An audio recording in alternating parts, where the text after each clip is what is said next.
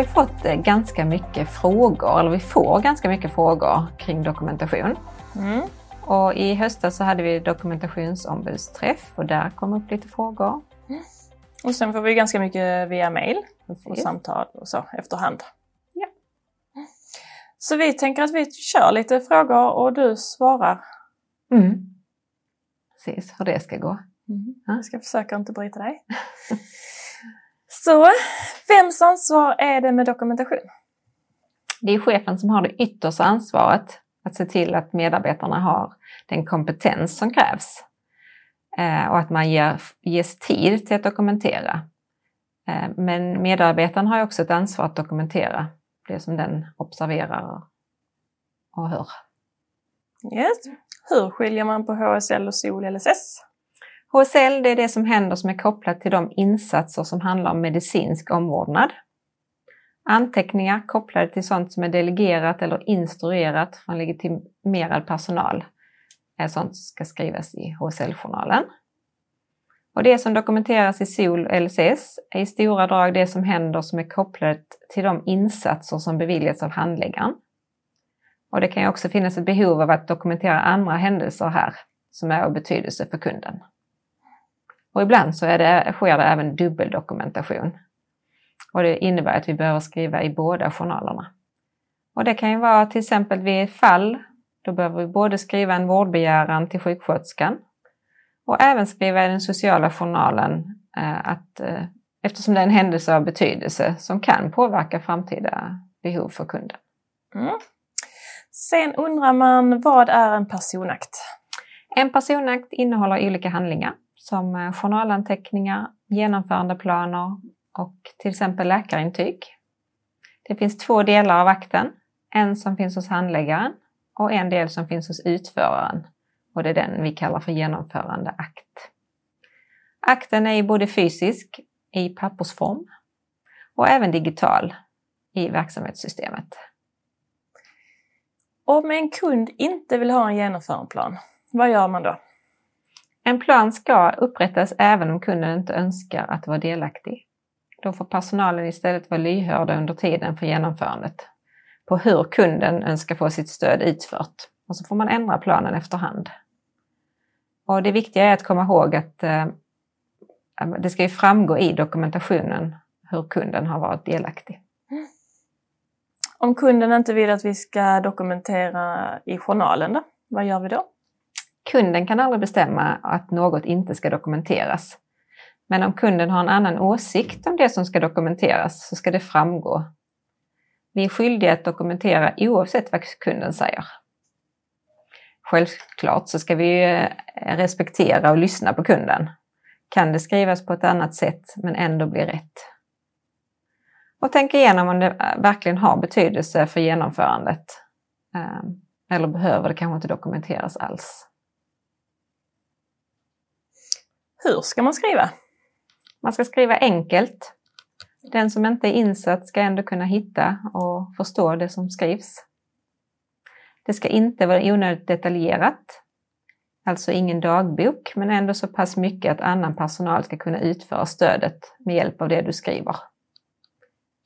Vi ska skriva om det som avviker från det normala och avviker från den planering som har gjorts.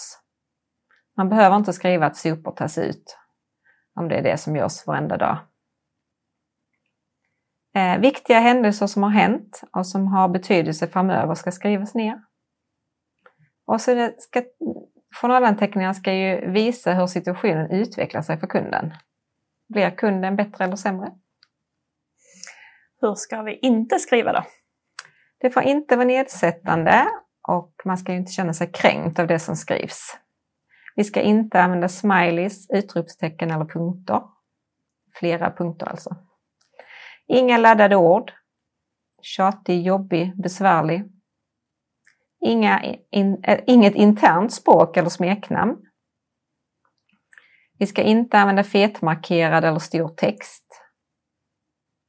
Vi ska undvika förkortningar. Det är inte alltid läsarna förstår. Och vi ska ju tänka på att den som drar ut sin eh, journal ska ju kunna förstå det som står där. Och vi ska undvika ord som blöja och bajs. Använd istället inkontinensskydd eller avföring. När ska vi dokumentera? Det ska vi göra så snart som möjligt. Man ska inte tänka att det kan vänta till nästa arbetspass. Det kan ju vara avgörande saker för kunden. Och att bara lämna över muntligt är inte tillräckligt. Det kan göra att händelsen inte beskrivs på rätt sätt av den personal som kommer efteråt. Man får tänka på hur tokigt det kan bli när man eh, gör viskningsleken. Varför ska vi gå igenom re journalen regelbundet? Det vi skriver ska ju användas för att göra det bättre för kunden. Om det framkommer eh, saker som vi behöver ändra på för att göra det bättre, behöver vi testa på ny personal, eller så behöver vi ta reda på varför kunden har blivit mer arg eller orolig den senaste tiden. Varför ska vi gå igenom genomförandeplanen regelbundet? Vi ska stämma av så att den stämmer med verkligheten eller om vi har börjat jobba på något annat sätt.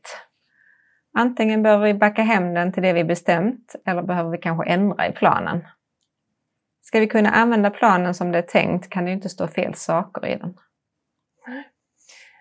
Sen har vi fått in det här med vid behov av nya insatser så är det svårt att bara enhetschefen kan lägga till nya insatser i Lifecare. Och man undrar om omvårdnadspersonalen kan få den behörigheten? Tyvärr så är inte det någonting som kommer att ske i dagsläget. Ja. När görs de gamla beställningarna om i till exempel boende i funktionsstöd? Det är svårt att jobba rätt med gamla beställningar tycker man. Beställningar görs ju inte om Eh, på funktionsstöd eller på boende i funktionsstöd. Men däremot så görs uppföljningar enligt IBIC och utifrån livsområdena som man kan använda eh, vid uppdatering av genomförandeplanen. Och inom vård och omsorgsboende så görs inga nya uppföljningar i dagsläget och det kommer inte, därför inte heller några nya beställningar efterhand. Mm.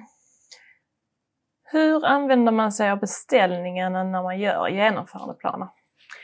Det är en förutsättning att man alltid har beställningen från handläggaren som grund när man skapar en genomförandeplan. Och tänk på att det finns flera delar i en beställning. Eh, det vi har sett och hört är att man missar den strukturerade dokumentationen. Och eh, när man skriver ut eh, beställningen så måste man aktivt kryssa i den strukturerade dokumentationen för att kunna få ut den. Mm. Räcker det att göra en avvikelse eller behöver man dokumentera något i journalen? Händelsen ska dokumenteras i journalen. Hur gör man med informationsöverföring när kunden byter utförare? Kontakten mellan gammal och ny eh, enhet är en viktig del för att få en trygg flytt för kunden. En kopia på genomförandeplanen kan efter samtycke från kunden lämnas till den nya utföraren. Och på några enheter så väljer man att träffas hos kunden innan flytt för att ge viktig information som kan vara bra för den nya utföraren att känna till. Mm. Hur ska man tänka när man arbetar med mål? Utgångsläget är vad som står i beställningen. Är det bedömda funktionstillståndet, till exempel stor begränsning, och det avsedda funktionstillståndet ingen begränsning. Då ska man ju tänka att här ska ju ske en stor förändring för kunden. Och då är det viktigt att prata med kunden.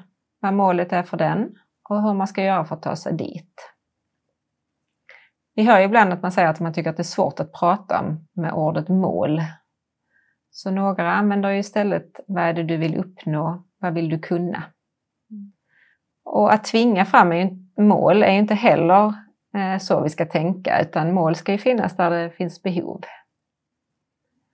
Och ibland kan målet vara att bibehålla de fiktioner som finns idag och då är det viktigt att kunden får fortsätta göra så mycket som möjligt som han eller hon kan eller orkar. Om man ska tänka på att inte ha så kallade resultatmått. Ett resultatmått är till exempel att bostaden ska bli ren och det säger ju sig själv att insatsen ska bidra till det. Och en annan sak är att målen ska vara möjliga att följa upp. Att känna sig piggare är svårt att följa upp. Medan att kunna gå två varv runt huset på egen hand, det är saker som är möjliga att följa upp. Vad betyder ej tillämpbart vid beskrivning av begränsning? Det används när det inte är tillämpbart att beskriva graden av begränsning i genomförandet. Så det används när det inte är lämpligt att ange mål.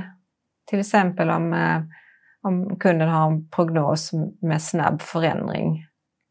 Eller när angivet mål eh, skulle skada relationen mellan kunden och handläggaren. Eller om målet skulle leda till att kunden inte vill ta emot stödet. Mm. Får man läsa genomförandeplaner på andra avdelningar eller enheter? Man får bara läsa genomförandeplaner för de kunder som man ska arbeta med. I annat fall får man, får man avidentifiera dem om det handlar om att man ska lära sig av varandra.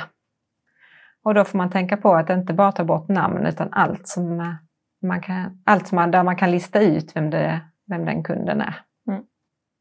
Ska genomförandeplanen skrivas i jag-form eller inte? Det finns inget som är rätt och fel. Jag-form kan användas om kunden är delaktig i samtalet när man gör planen och om den tycker att det är okej. Okay. Annars kan man använda kundens förnamn eh, när kunden inte aktivt uttrycker hur han eller hon önskade stödet. Mm. Var ska bemötandeplaner, handlingsplaner och aktivitetsbeskrivningar finnas? Om man hänvisar till andra planer från genomförandeplanen så finns det en separat modul i Lifecare som kallas för utförardokument och där kan man bifoga de planerna. Och då skriver man ju också det, att de är, finns bifogade. Mm. Hur hanterar man när kund eller anhörig eller god man begär ut eh, kundens journal? Det finns en rutin som noggrant går igenom vad som gäller. Men utgångspunkten är ju att det är kunden och den personal som jobbar kring kunden som har rätt att läsa journalen. Kunden kan ju alltid begära ut sin dokumentation och den kan också ge samtycke till att andra ska få ta del av den. Om det är någon annan än kunden som begär, ut, begär att få ut dokumentation så läs in er ordentligt på vad som gäller så ni inte bryter sekretess. Och hur kan min chef veta vilken kund som jag tittar på i systemet? Allt som vi gör loggas i systemet. Chefen ska regelbundet göra loggkontroller för att kontrollera att rätt person tittar i rätt dokumentation. Och bara för att man har behörighet till en kunds dokumentation så betyder det inte att man får titta i den. Du får bara läsa om du ska arbeta med kunden. Mm. Det var de frågorna vi hade denna gången. Det var verkligen en salig blandning. Mm. Eh, men vi hoppas att vi kan få in fler frågor som vi efterhand kan svara på på detta sättet. Ja. Tack för idag! Tack för idag! Thank you